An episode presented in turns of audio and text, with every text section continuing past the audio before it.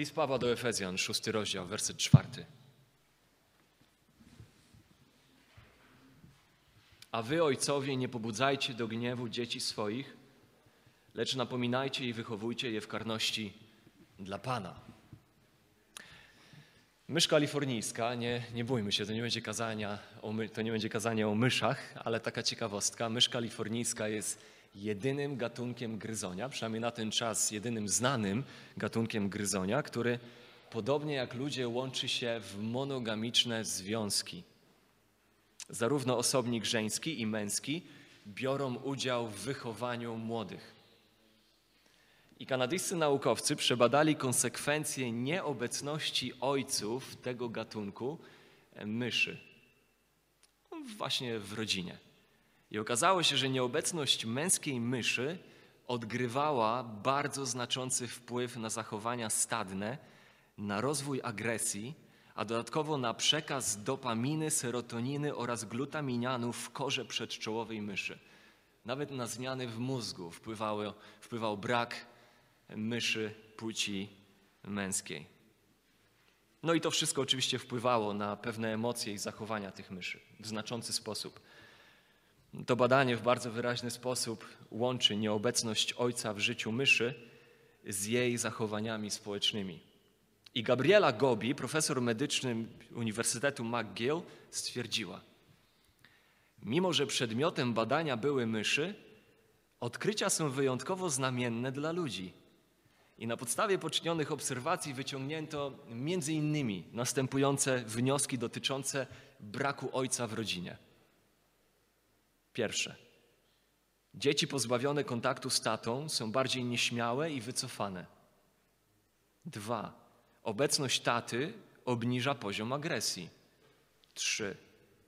Aktywny udział ojca w wychowaniu dzieci zmniejsza ryzyko uzależnień w przyszłości. Cztery Brak ojca upośledza inteligencję emocjonalną i zdolność nawiązywania relacji. Dalej, gdybyśmy spojrzeli na to, co świat odkrywa w tej dziedzinie, w jednym ze starych już artykułów z New York Times czytamy: Świat opieki społecznej Nowego Jorku to świat bez ojców. Diagnoza ta oczywiście pasowałaby także niestety do Polski. Sytuacja jest niewiele lepsza. W Polsce bez ojca wychowuje się około 25% dzieci. Powody nieobecności ojca są różne. Od śmierci, poprzez zaniedbanie, przemoc, uzależnienia, biedę, czy też młodocianą przestępczość. A jeśli by wziąć pod uwagę domy, w których fizycznie ojcowie są obecni, ale emocjonalnie ich tam nie ma, są wycofani, niezaangażowani w życie swoich dzieci, to mówimy tutaj o jakichś 40-50% rodzin polskich. Tak istotne jest ojcostwo dla rozwoju dzieci i całych społeczeństw, jak istotna jest siła ciążenia dla świata materii.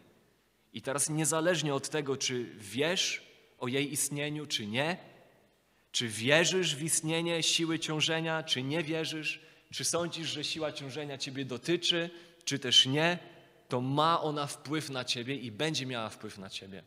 Bez względu na to, co o niej myślisz i jaki masz do niej stosunek. I podobnie jest z ojcostwem, podobnie jest z rolą mężczyzny jako ojca w domu, w rodzinie. Ojcostwo ma moc. Ojcostwo wywiera potężny wpływ. Dobry albo zły ale zawsze wywiera wpływ. Nie jesteś w stanie przed tym wpływem się ukryć, czy będziesz przykładał najwyższą uwagę, całe serce i całą duszę do swojego ojcostwa, czy też może zamkniesz oczy, zatkasz uszy, ręce włożysz do kieszeni, nogi zarzucisz na fotel i będziesz zachowywał się, jakby ojcostwo nie miało znaczenia, wciąż będziesz wywierał wpływ. Sam fakt, że jesteś mężczyzną, który został ustanowiony ojcem, jest rzeczą wpływową. Taka jest natura ojcostwa. I oczywiście chrześcijanin i uważny student Słowa Bożego doskonale rozumie tę zależność. Nie musi robić eksperymentów na myszach, nie musi robić jakichś eksperymentów społecznych, socjologicznych. My rozumiemy tę zależność, my rozumiemy centralność i wpływ rodziny na kształtowanie zdrowych postaw w jednostkach, zdrowych zachowań w jednostkach, ale i w kształtowaniu zdrowego społeczeństwa w ogóle. Uważny student słowa rozumie to. Następnie rozumiemy przypisane przez Boga role i funkcje i odpowiedzialności w rodzinie, które są przypisane konkretnym osobom w tych rodzinach, jako niezbędne do tego, by w zdrowy sposób kształtować zdrową rodzinę. My rozumiemy, kim jest kobieta w rodzinie, kim ma być mężczyzna w rodzinie, jaka jest pozycja i rola dzieci. Gdzie jedną z tych istotnych ról i odpowiedzialności właśnie w kształtowaniu zdrowej rodziny jest rola i odpowiedzialność ojców wobec dzieci. Już w drugiej Mojżeszowej 34:7 czytamy, że grzechy ojców i ich konsekwencje rozciągają się do trzeciego i czwartego pokolenia. Ojcostwo ma moc, ma wpływ. Sama idea ojcostwa jest potężnym aspektem rzeczywistości człowieka, człowieczeństwa, ludzkości. Pośród wielu rzeczy, które możemy na przykład powiedzieć o Bogu, o Bogu, który jest Stwórcą, jedną z nich jest to, a wręcz jedną z kluczowych rzeczy, którą możemy powiedzieć o Bogu, którego znamy jako tego, który objawił siebie w Słowie, w Piśmie, jako Boga, który jest w Trójcy. Jedną z fundamentalnych prawd na jego temat jest to, że Bóg jest Ojcem. Zanim Bóg został Stwórcą, zanim Bóg wykazał swoją władzę i moc nad stworzeniem, odwiecznie był już Ojcem odwiecznie istniejący w doskonałej relacji Trójcy, odwiecznie kochający Syna, jednorodzonego Syna, który jest na Jego łonie. Bóg w swej istocie jest Ojcem. I to jest jedna z rzeczy, która wyróżnia prawdziwego Boga Biblii od pozostałych bogów stworzonych przez jakiekolwiek wymysły ludzi. To właśnie to. Bóg odwiecznie jest Ojcem, który w swej naturze jest miłością. I to właśnie, kiedy zastanowimy się nad tym, zatrzymamy się nad tym, to Jego ojcostwo jest tym, co jest gwarancją Jego miłości. Bez odwieczności Boga jako Trójcy, bez rozumienia Jego odwiecznej relacji między Ojcem i Synem, nie mamy żadnych podstaw, żeby myśleć o Bogu jako o miłości. Dzięki temu wiemy, co Bóg robił w wieczności, zanim stworzył świat. Co Bóg robił w wieczności, zanim cokolwiek stworzył? Bóg wieczności kochał. Wieczności kochał. Kochał swego syna. W Jana 17:24 czytamy w arcykapłańskiej modlitwie Jezusa Jezus woła: Ojcze, umiłowałeś mnie zanim świat powstał. Zanim cokolwiek stworzył, zanim cokolwiek innego zrobił, zanim zamanifestował swoją potęgę i moc, był ojcem kochającym syna. To znaczy, że kiedy Bóg stworzył świat, to nie zrobił tego z poczucia samotności, potrzebując nas, by zaspokoić jakąś emocjonalną potrzebę, którą miał. Tak jak uczy tego fałszywa, humanistyczna wersja współczesnego chrześcijaństwa, w której to człowiek jest w centrum stworzenia.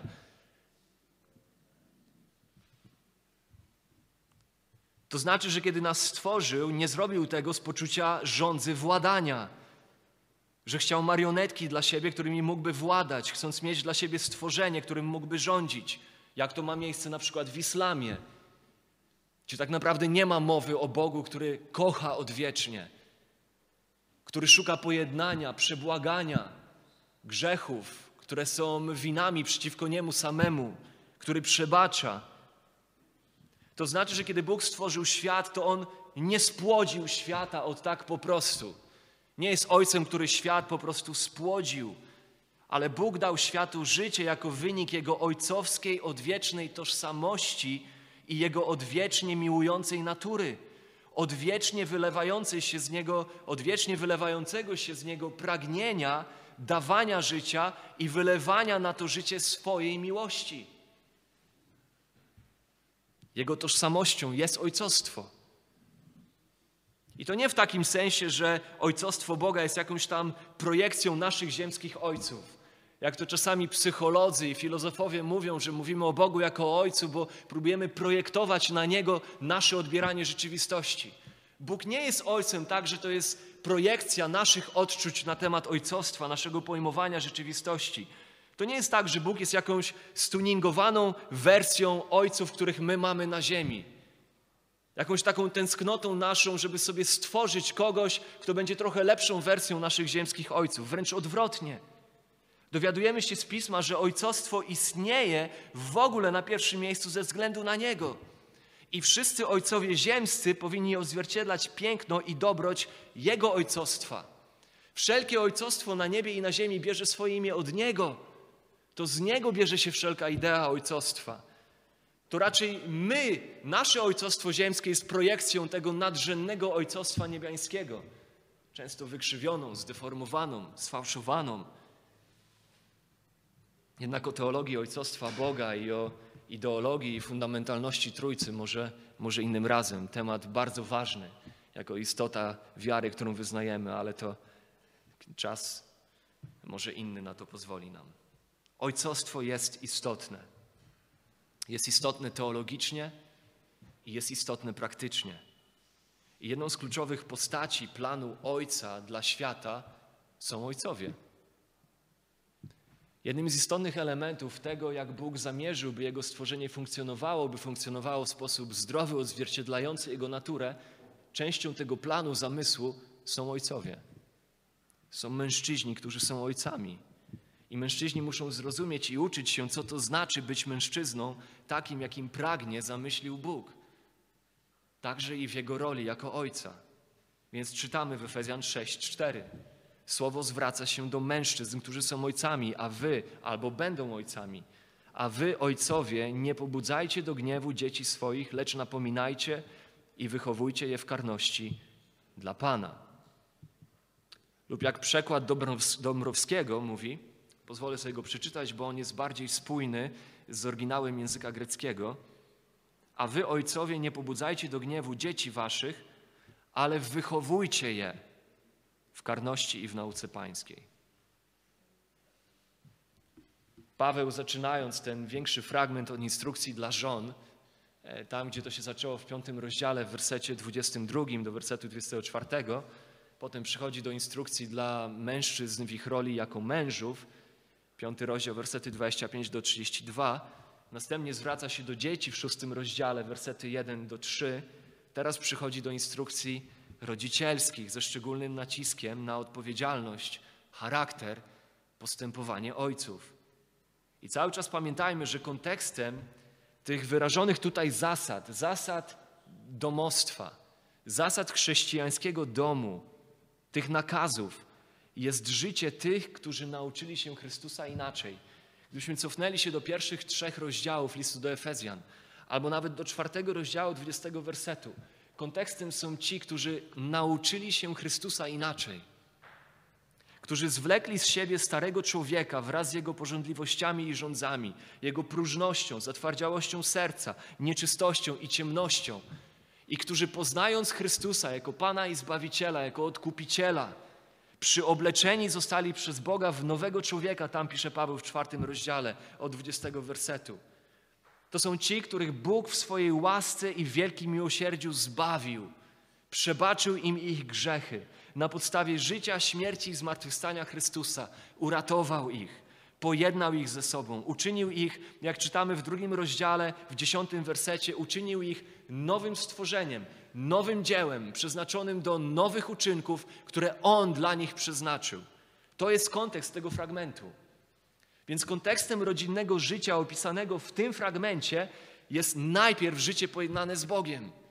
Kontekstem nie jest życie człowieka, który stara się te rzeczy za wszelką cenę robić z własnej mocy, z własnej siły, w celu poprawy swojego życia, ale kontekstem jest życie pojednane z Bogiem, należące do Chrystusa, napełniane Duchem Świętym. Piąty rozdział, osiemnasty werset. Tam de facto zaczyna się cały ten fragment. Oto życie obfitujące w moc Ducha Świętego. Życie obfitujące, jak w Kolosan 3,16 mówi Paweł, obfitujące w Słowo Chrystusowe. Życie, w którym Bóg aktywnie działa. To jest kontekst zasad chrześcijańskiego domostwa, rodziny, a także i ojcostwa. Jeśli więc chodzi o odpowiedzialność ojców, to w 6.4 mamy bardzo klarowną myśl. Jeżeli spojrzymy w ten tekst, tutaj nie ma nic skomplikowanego. Mamy dwa przykazania.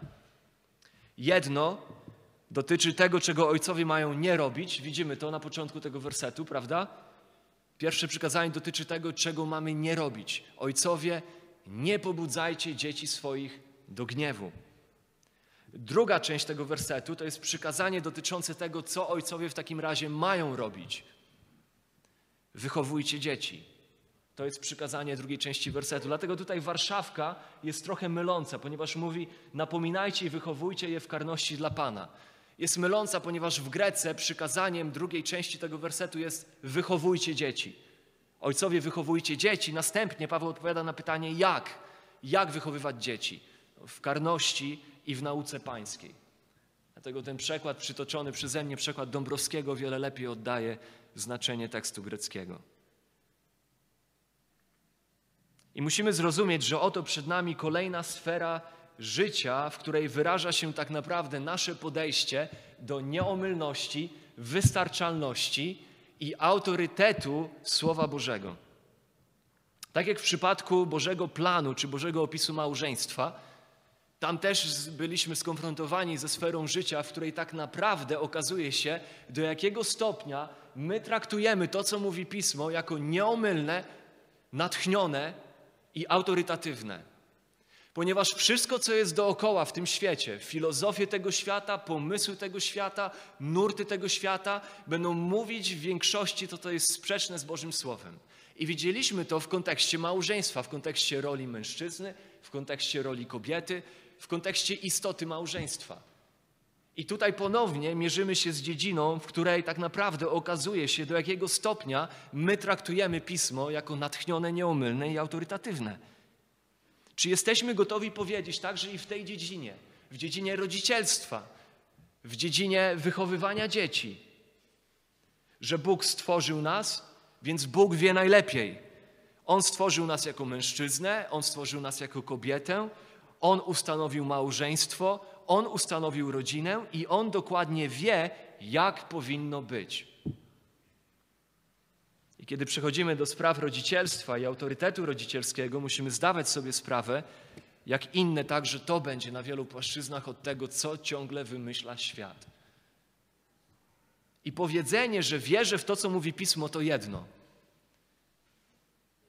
To jest przerażające dzisiaj, kiedy się spojrzy trochę na, na panoramę Kościoła chrześcijańskiego w Polsce. Kościoła, który właśnie łatwo jest w stanie powiedzieć: Wierzę, wierzę w to, co mówi pismo. Jednak posłuszeństwo temu, co pismo mówi w tak istotnych sprawach życia, jak małżeństwo, płeć, rodzina, wychowanie, jest czymś kompletnie innym. I to jest ta kolejna dziedzina, w której okazuje się, czy my tylko mówimy, że wierzymy w wystarczalność pisma, czy my bierzemy to za fakt, który stosujemy do swojego życia, który okazuje się w naszym posłuszeństwie temuż pismu. Więc jacy powinni być ojcowie? Najpierw wyjaśnijmy sobie, do kogo Paweł się zwraca w tym fragmencie. Ojcowie. E, to słowo ojcowie oznacza w Grece zazwyczaj ojców, oznacza osoby płci męskiej użyte y, także w niektórych miejscach, zarówno w literaturze greckiej, a nawet i biblijnej, jak chociażby w Hebrajczyków 11:23, w kontekście rodziców. To słowo, mimo że w swym naturalnym znaczeniu oznacza osoby płci męskiej, które pełnią rolę ojców, to może odnosić się do obojga rodziców, może odnosić się zarówno do ojca, jak i do matki. Tak jak to ma miejsce właśnie w Hebrajczyków 11:23. Chociaż mimo, że to słowo może oznaczać w określonych przypadkach rodziców w ogóle, to wydaje mi się, że jednak tutaj Paweł zwraca się szczególnie do ojców. Na ojców jednak decyduje się położyć nacisk. W pierwszym wersecie szóstego rozdziału Paweł miał na myśli oboje rodziców i jasno to określił. Użył innego greckiego słowa, które jest typowe w swym znaczeniu dla znaczenia rodzice. Kiedy miał na myśli obojga rodziców, użył słowa, które wprost odnosi się do obojga rodziców. W wersecie drugim szóstego rozdziału Paweł ponownie ma na myśli oboje rodziców, więc używa słowa ojciec i matka. Więc jasno uzasadnia nam, pokazuje nam, że ma na myśli oboje rodziców.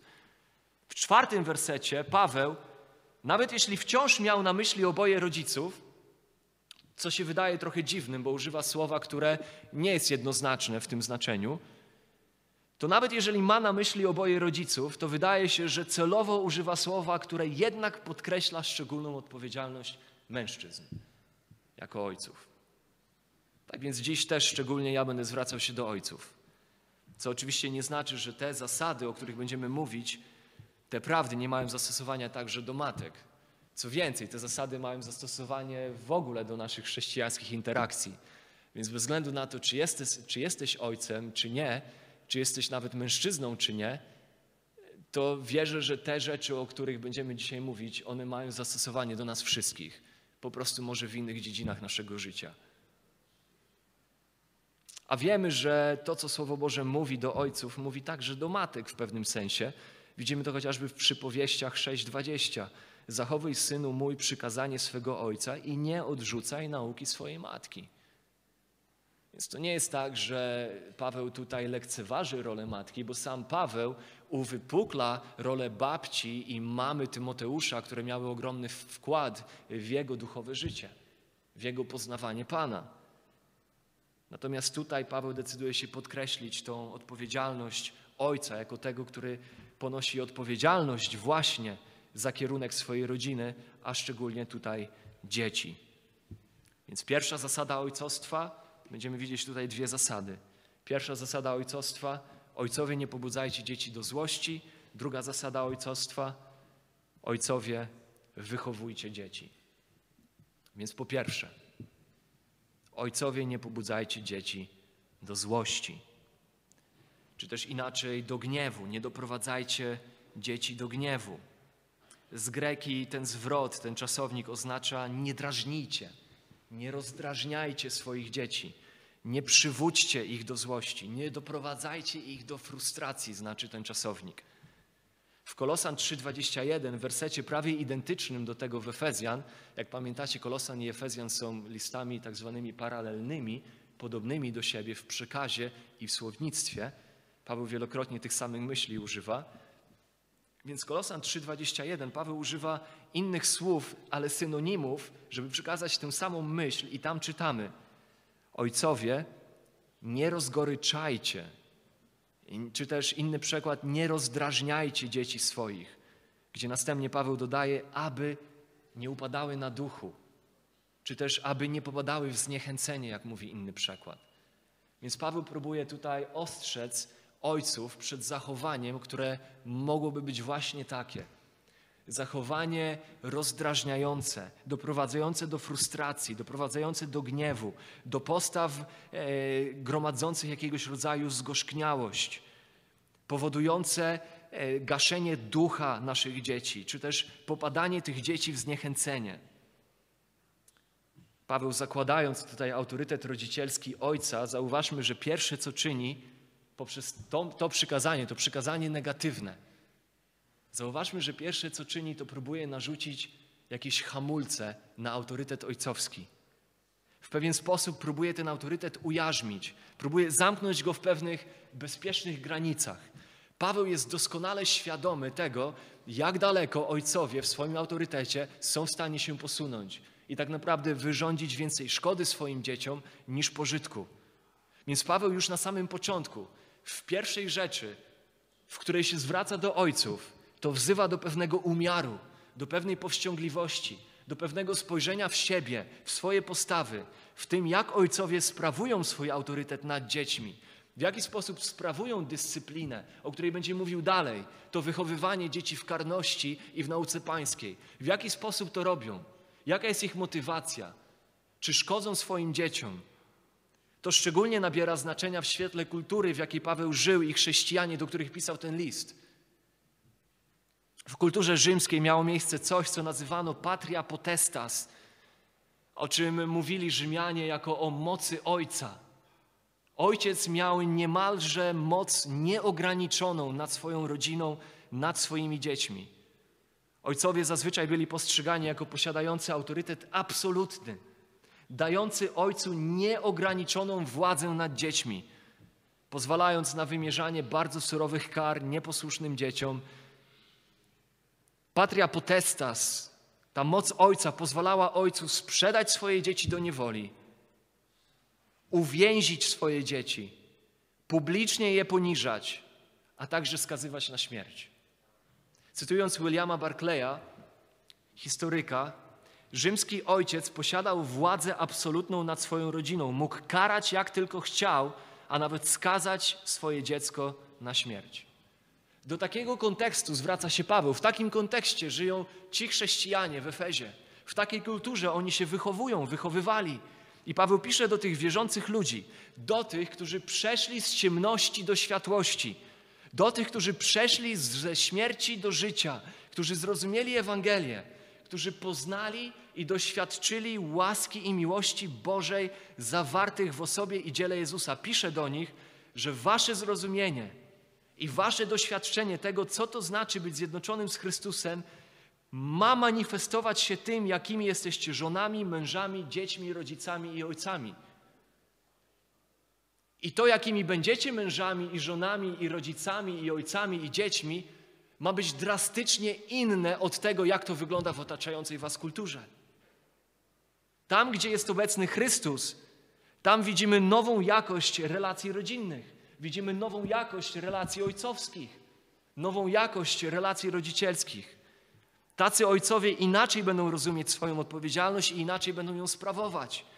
Będą troszczyć się o swoje dzieci, między innymi w sposób, który intencjonalnie zabiega o to, by wychowywaniu tych dzieci w karności i nauce pańskiej czasem celowo nie doprowadzać ich do postaw gniewnych, zamykających się, gaszących ich ducha, powodujących zniechęcenie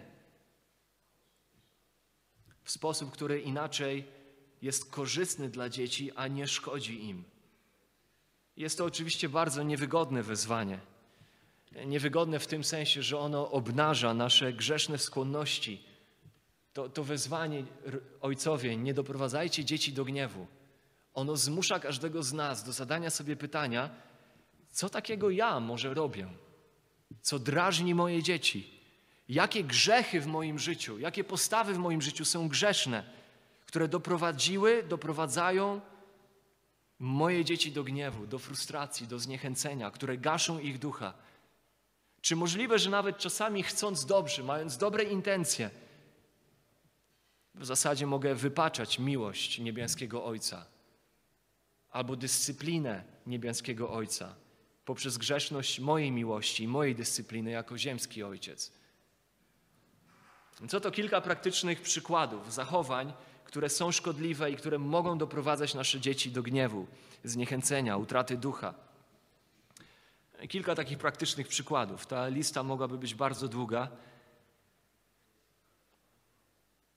Błogosławieństwem w Kościele są ci bracia i te siostry, które wychowały, którzy wychowali dzieci w Panu, wiele lat z Panem przeżyli. Myślę, że oni byliby doskonałym zasobem, źródłem uzupełnienia tej listy, którą ja przytoczę chociażby dzisiaj. W doświadczeniu skonfrontowanym z ich poznaniem Biblii, oni pewnie by mogli być bogactwem wiedzy dla nas w kontekście postaw i zachowań, które mogą doprowadzać dzieci do gniewu, do frustracji, do zniechęcenia. Pozwólcie, że ja podzielę się kilkoma, kilkoma praktycznymi przykładami.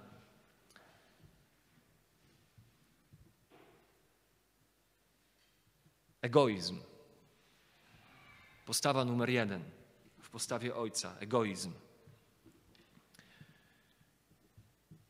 Filipian 2, wersety 4-5 czytamy, że mamy mieć postawę, która patrzy nie tylko co swoje, na to, co swoje, ale patrzy na to, co cudze. Myśli o innych więcej niż o sobie samym. I w wersecie 5 Paweł mówi, żeby mieć postawę względem siebie taką, jaką miał, jaka była w Jezusie Chrystusie. I potem opisuje postawę uniżenia się Chrystusa w celu przyniesienia korzyści tym, których przyszedł zbawić, który uniżył siebie aż do postaci sługi, sługi aż do miejsca śmierci, śmierci na krzyżu. Więc oczywiście wszystkie te zasady, o których będziemy mówić, one nie muszą znajdować się w piśmie w kontekście jasno określonej roli Ojca. Wystarczy, że one mówią o naszej roli jako chrześcijan i wiemy, że kiedy Pismo wzywa nas do tego, byśmy miłowali bliźniego swego, to pamiętajmy, że wszystkie rzeczy, które odnoszą się do natury naszej miłości wobec naszego bliźniego, pierwszorzędnie mają zastosowanie do tych, którzy są naszymi najbliższymi bliźnimi. Czyli wszystko, co Pismo mówi o miłości do bliźniego, pierwszorzędnie powinno być zastosowane w stosunku do Twojej żony i do Twojego męża i w stosunku do Twoich dzieci i do Twoich rodziców. Więc oczywiście wszystkie te rzeczy, o których mówimy, one po prostu wywodzą się z Pisma jako naturalne cechy odzwierciedlające charakter Chrystusowy. Więc pierwszą postawą, która jest postawą przynoszącą szkodę naszym dzieciom, jest postawa egoizmu. Postawa sprzeczna z tą opisaną chociażby w Filipian 2, 4, 5. Postawa egoizmu. Co to jest egoizm? Egoizm, egoizm to jest zaabsorbowanie sobą. To jest troska o siebie, zaabsorbowanie swoimi preferencjami rodzicielskimi, swoimi ambicjami, swoimi pragnieniami. To jest takie podejście, które sugeruje, że tutaj, w tej relacji, chodzi o mnie. Chodzi o mnie. Chodzi o mnie jako ojca i jako rodzica, a nie o ciebie jako o syna i córkę. Chodzi o to, że ma być po mojemu. Stott, John Stott w swoim komentarzu do Efezjan cytuje pewną powieść, która trochę skrajnie, ale trafnie oddaje taką postawę egoizmu. Powieść Edny Ferber pod tytułem Giant, w której opowiada o postaci, która się nazywa Jordan Benedict. Teksańczyk, właściciel rancha o powierzchni 2,5 miliona akrów. Jordan Benedict wścieka się na swojego trzyletniego syna Jordi, mały Jordi. Mały Jordi nie chce jeździć na koniu, nie chce wsiadać na konia. Ubrany w pełny ubiór kowbojski, krzyczy, by zdjąć go z konia. On nie chce być na tym koniu. Jego ojciec z oburzeniem krzyczy: Ja jeździłem, zanim nauczyłem się chodzić. Okej, okay, odpowiada jego żona Leslie. To bardzo fajnie, ale to byłeś ty. E tu jest inna osoba. Może on nie lubi koni. On jest Benedyktem, odkrzykuje ojciec. I ja zrobię z niego kowboja, nawet jeśli będzie musiał, nawet jeśli będę musiał go siłą przywiązać do konia. To jest postawa, której nie wolno nam mieć wobec naszych dzieci. To jest postawa sprzeczna z postawą pokory, do której wzywa nas Pismo. To jest postawa, która jest zaabsorbowana sobą samym, swoimi ambicjami, swoimi pragnieniami, swoimi dążeniami, zaabsorbowana swoją tożsamością, próbując ją wymusić, na siłę ją wygrawerować na drugiej osobie, która jest kompletnie odrębną postacią, która została powierzona mi pod moją opiekę, by ją prowadzić, wychowywać, ale nie na siłę dostosowywać, dopasowywać pod siebie.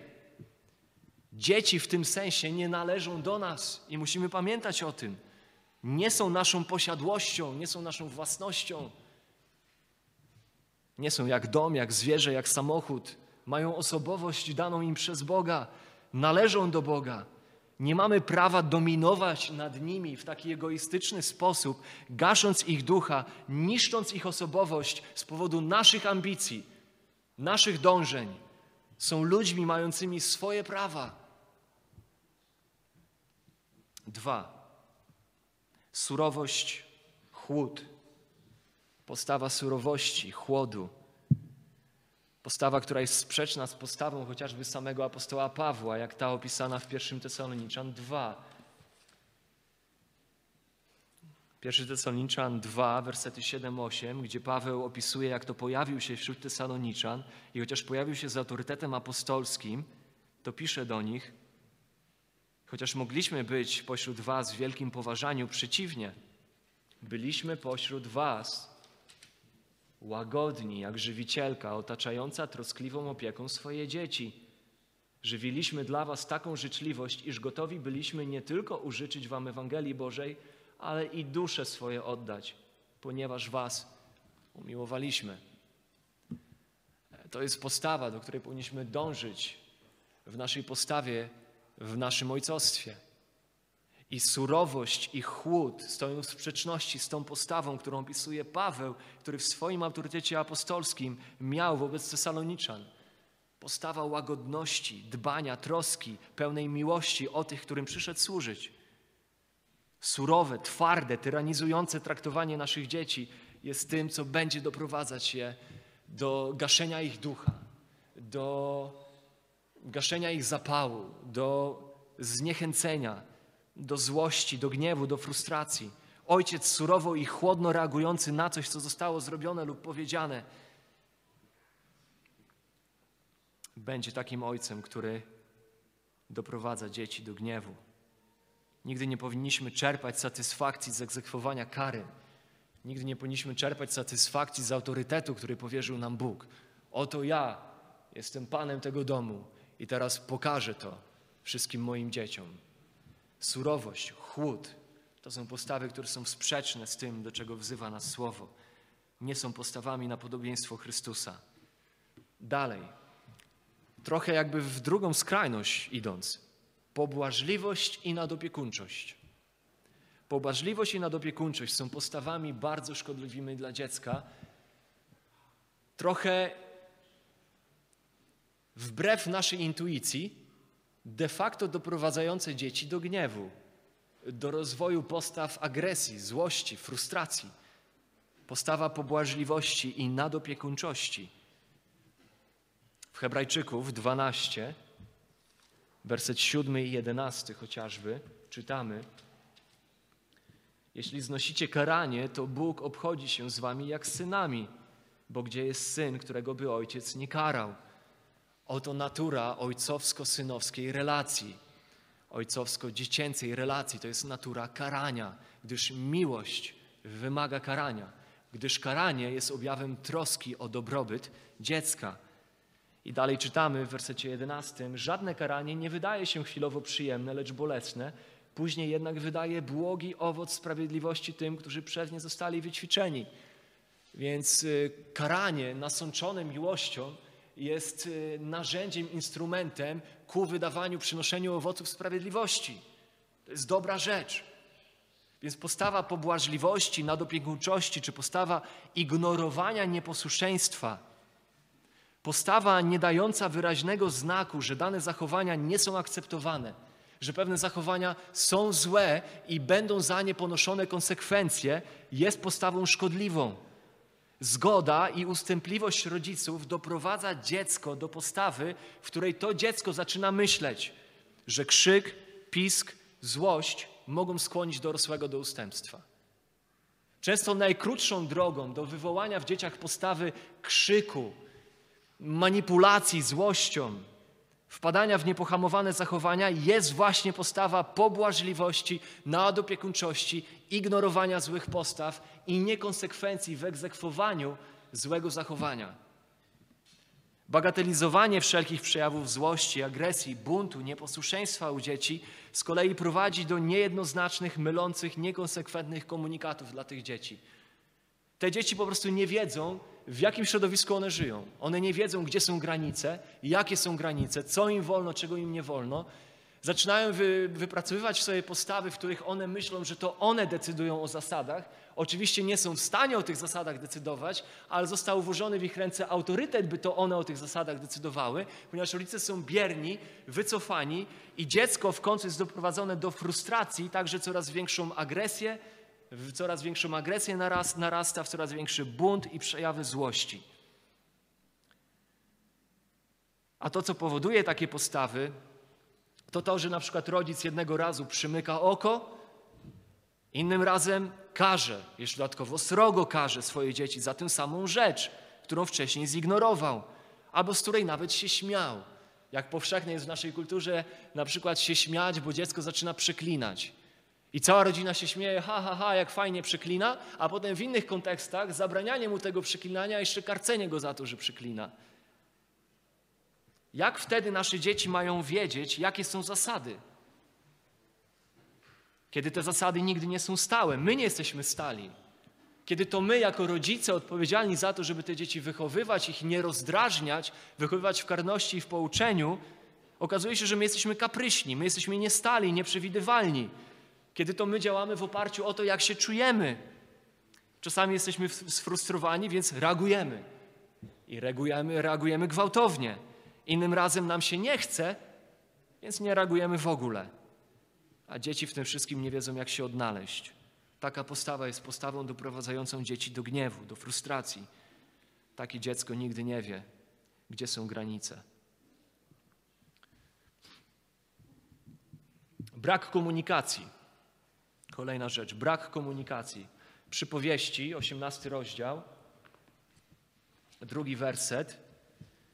Tutaj Warszawka znowu jest trochę taka niejasna. Głupiec nie lubi roztropności, lecz chętnie wyjawia to, co ma na sercu. E, inny przykład, Biblia Tysiąclecia. Głupiec nie lubi się zastanawiać, lecz tylko swe zdanie przedstawiać. To jest postawa głupca. Ktoś, kto jest prędki do tego, żeby swoją opinię, swoje zdanie przedstawiać bez chęci zrozumienia danej sytuacji, zrozumienia drugiej osoby na przykład.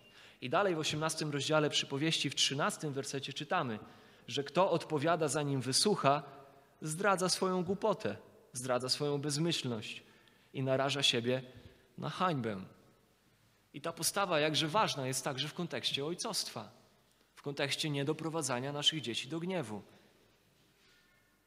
Jeżeli nie określimy jasno granic, nie zakomunikujemy, jakie są zasady, nie wyjaśnimy tych zasad, nie wyjaśnimy naszym dzieciom konsekwencji, które będą miały miejsce za łamanie tych zasad, a także nie będziemy z dziećmi rozmawiać na temat znaczenia dyscypliny, nie będziemy im komunikować jasno i wyraźnie naszej miłości wobec nich i troski o nich, to nasze dzieci nie mają e, prawa domyśleć się, o co nam chodzi. Więc nasze egzekwowanie zasad, których nigdy nie wyjaśniliśmy, nie komunikowaliśmy, prawdopodobnie będzie frustrujące i rozdrażniające dla naszych dzieci. Dodatkowo z drugiej strony ma miejsce to, że czasami dziecko pyta, kiedy coś nabroi, czy mogę wyjaśnić? Nie, nie możesz. Nie możesz. Ale dlaczego? Nie będę wysłuchiwał Twoich wyjaśnień. Teraz Ty słuchaj. To jest postawa, która jest postawą rozdrażniającą. To jest postawa, która nie przynosi korzyści dziecku, raczej przynosi szkodę. Pamiętajmy, że dom to nie jest oddział komandosów, to nie jest oddział gromu, gdzie my ustawiamy swoje dzieci na baczność i wydajemy im rozkazy i masz słuchać. Nie odzywaj się. Ja jestem ojcem. Nie będziesz teraz wyjaśniał. Ja teraz mówię. Musimy pozwolić, by w relacji rodzić dziecko miała miejsce dwustronna komunikacja. Brak komunikacji, jasnej komunikacji z dwóch stron będzie tym, co będzie powodować frustrację u dzieci. Dalej. Nieumiejętność w rozróżnieniu pomiędzy niedojrzałą odpowiedzialnością a zdeterminowanym nieposłuszeństwem. Nieumiejętność w rozróżnianiu pomiędzy niedojrzałą odpowiedzialnością naszych dzieci, czy też taką dziecięcą nieodpowiedzialnością, a zdeterminowanym nieposłuszeństwem. O co chodzi? Chodzi o to, że jest różnica pomiędzy dzieckiem, które w ferworze zabawy trąca Twój ulubiony wazon z Bolesławca, który dostałeś w spadku po swojej babci, a dzieckiem, które w zdeterminowany sposób próbuje pokazać Tobie: Zobacz, teraz Tobie się sprzeciwię i Ciebie nie posłucham, i zobacz, co teraz zrobię. Jest różnica pomiędzy jednym a drugim. Jedno dziecko zachowało się po prostu nieodpowiedzialnie, dziecięco, nieostrożnie, drugie zachowało się nieposłusznie i buntowniczo. Jeśli my surowo karcimy, nie rozróżniając tych dwóch rzeczy, jeżeli my karcimy dzieci za to, czym my zostaliśmy ugodzeni w sposób subiektywny z powodu ich dziecięcej nieostrożności, karcimy je surowo, to tak naprawdę doprowadzamy je do zniechęcenia, do utraty ducha. To jest postawa dyscypliny, która nie jest dyscypliną na wzór miłości ojcowskiej niebieskiego Ojca, jak ta opisana chociażby w Hebrajczyków 12. Dalej. Ciągłe dostrzeganie negatywów, brak dostrzegania postępów. Kiedy nie zauważamy i nie doceniamy starań naszych dzieci, by być posłusznymi.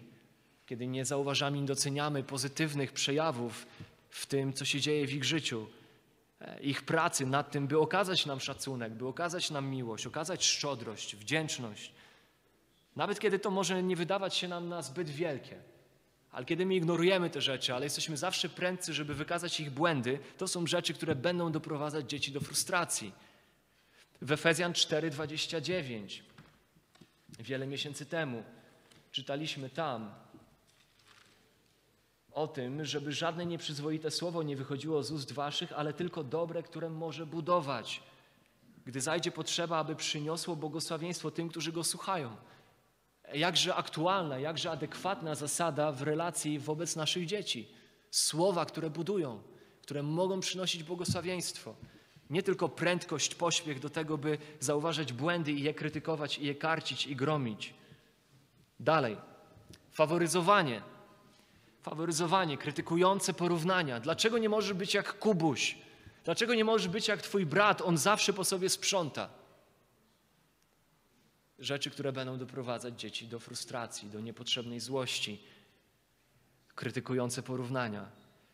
Możliwe, że Kubuś zawsze sprząta po sobie, ale możliwe, że robi to będąc faryzeuszem. I my, jako chrześcijanie, powinniśmy to rozumieć, że sprząta po sobie jednocześnie w sercu za każdym razem złorzecąc swoim rodzicom. Ojciec w przypowieści o synu marnotrawnym zapewne mógłby powiedzieć do młodszego syna: Twój starszy brat nigdy nie, przygapił, nie przygapił dnia w pracy. Zawsze można było na niego liczyć. Dlaczego nie mógłbyś być jak on? Tylko, że przesłaniem przypowieści o synu marnotrawnym jest to, że problemem jest faryzeusz. Problemem jest faryzeusz, który wydaje się, że zawsze robi to, co należy, podczas gdy łaska i miłosierdzie są wylane na tego, który narobił bałaganu. Taka jest ojcowska natura ojca. I pytaniem dla mnie jest, czy będę okazywał miłość i łaskę moim dzieciom, jaką Ojciec Niebiański okazuje mi? Czy będę ograniczał Jego miłość, a nawet deformował ją? Wstrzemięźliwość w okazywaniu miłości, używanie miłości jako narzędzia do kar i nagród. To wszystko są postawy, które są złe i powodują złość, frustrację, zniechęcenie u dzieci. Używanie miłości jako narzędzia do kar i nagród. Zrobiłeś coś złego, nie rozmawiam z tobą. Zrobiłeś coś dobrego, albo jak zrobisz coś dobrego, tata będzie cię kochał. Dręczenie, poniżanie, sarkazm, cynizm, zaniedbywanie, nieustanne czepianie się, doszukiwanie się wszędzie winy, zawsze zakładanie złego w naszych dzieciach, przesadne zasady i reguły i ciągle niekończące się reprymendy za najdrobniejsze rzeczy i tak dalej, i tak dalej, i tak dalej. Lista może być bardzo długa. Wezwanie jest jednak jasne, ale wy, ojcowie, nie pobudzajcie do gniewu dzieci waszych, ale wychowujcie je w karności i w nauce pańskiej. I Paweł nie kończy tego fragmentu jedynie na przykazaniu, czego nie robić, uzupełnia je pozytywnym wezwaniem. Wychowujcie je, pielęgnujcie je, spojrzymy na to następnym razem w nauce pańskiej i w karności. Paweł więc zawiera w swoich poleceniach to przykazanie, uświadamiając nam, że w naszych postawach i zachowaniach możemy niepotrzebnie doprowadzać nasze dzieci do gniewu. Jest pytanie, które konfrontuje nas z naszymi własnymi postawami. I to nam przypomina, że wypełnianie rodzicielskiej odpowiedzialności, mam nadzieję, że nam przypomina, powinno nam przypominać, że jest w pewnym sensie poza nami. Wypełnianie rodzicielskiej odpowiedzialności, jak i małżeńskiej odpowiedzialności, jak i w ogóle chrześcijańskiej odpowiedzialności jest poza nami, jest poza naszymi zasobami, poza naszą mądrością i zdolnością. Nikt z nas nie potrafi doskonale i niezawodnie tego wypełnić, tak jak zamierzył Bóg, bo wszyscy jesteśmy grzeszni. I jakże potrzebujemy w kontekście chociażby wezwania do pobożnego ojcostwa przypominać sobie, że możemy realizować tę odpowiedzialność jedynie i wyłącznie z łaski Bożej i chwała Bogu z łaską Bożą, która jest wystarczająca. Wezwania takie jak te przypominają nam o potrzebie Chrystusa przypominają nam o potrzebie przebaczenia nam samym, kiedy zawodzimy. Skruchy naszego własnego serca. A jednym z wielkich błogosławieństw posiadania dzieci jest to, że Bóg przez nie właśnie pokazuje nam jakże wyraźnie naszą desperację i naszą potrzebę. Przez dzieci Bóg pomaga nam w uświęceniu. Cóż innego, tak jak dzieci, tak jak dom, tak jak rodzina, jak małżeństwo ale właśnie także jak i dzieci. Cóż innego tak bardzo powala nas na kolana, popycha nas do modlitwy, popycha nas do modlitwy o nie, o nas samych. Cóż popycha nas tak mocno do tego, żeby płakać przed Panem o nasze dzieci, o to, by nauczyć się troszczyć o nie, być wrażliwym, być łagodnym, kochającym, konsekwentnym, wyrozumiałym, po prostu Chrystusowym. Bo przecież rozumiemy, powinniśmy rozumieć, że naszym zadaniem jako rodziców, Twoim zadaniem jako ojca, jako matki jest zrobienie wszystkiego, co w Waszej mocy, jako ustanowione przez Boga instrumenty, narzędzia w Jego rękach, by zachęcać, by wzywać, by wychowywać, by pielęgnować te dzieci, tak by mogły przede wszystkim, ponad wszystko, zobaczyć atrakcyjność, wspaniałość, wyjątkowość i piękno łaski Bożej w Ewangelii. Czy jest coś ważniejszego, o co chcemy zabiegać w życiu naszych dzieci? Tak by chciały uchwycić się Ewangelii i być uczniami Chrystusa. I to nasze powołanie jest ważniejsze niż wszystko inne. To powołanie jest ważniejsze niż to, do jakiej szkoły trafią nasze dzieci. To jest ważniejsze niż to, jak sobie w tej szkole poradzą. To jest ważniejsze niż to, jak ustawią się w swojej przyszłości. Jakie będą miały osiągnięcia w sporcie i w nauce. To jest ważniejsze od tego, jaką reputację przyniosą Tobie tymi rzeczami i swoją popularnością. Ważniejsze jest to niż to, jak będą lubiani i popularni. I to nie jest tak, że te rzeczy są nieważne. One jakieś tam swoje miejsce zajmują w kształtowaniu życia naszych dzieci, lecz nigdy, nigdy nie możemy pozwolić, by te rzeczy zajęły miejsce tej jedynej rzeczy, która powinna zajmować tron wszelkich naszych zabiegów, modlitw i starań. To, żeby nasze dzieci dostrzegły atrakcyjność, wyjątkowość Chrystusa, że On jest dla nas wszystkim, że naszym skarbem nie jest nasz dom, nie są nasze pieniądze, nie jest nasza wygoda, nie jest nasza kariera, nie jest nasza reputacja, nie jest nasza pozycja, ale jest nim Chrystus. On jest naszym skarbem. I musimy sobie zadawać to pytanie, jak dobrze wychodzi nam prowadzenie naszych dzieci do poznania Chrystusa i stawania się Jego uczniami. Ale o tym więcej następnym razem. Pochylmy głowy w modlitwie.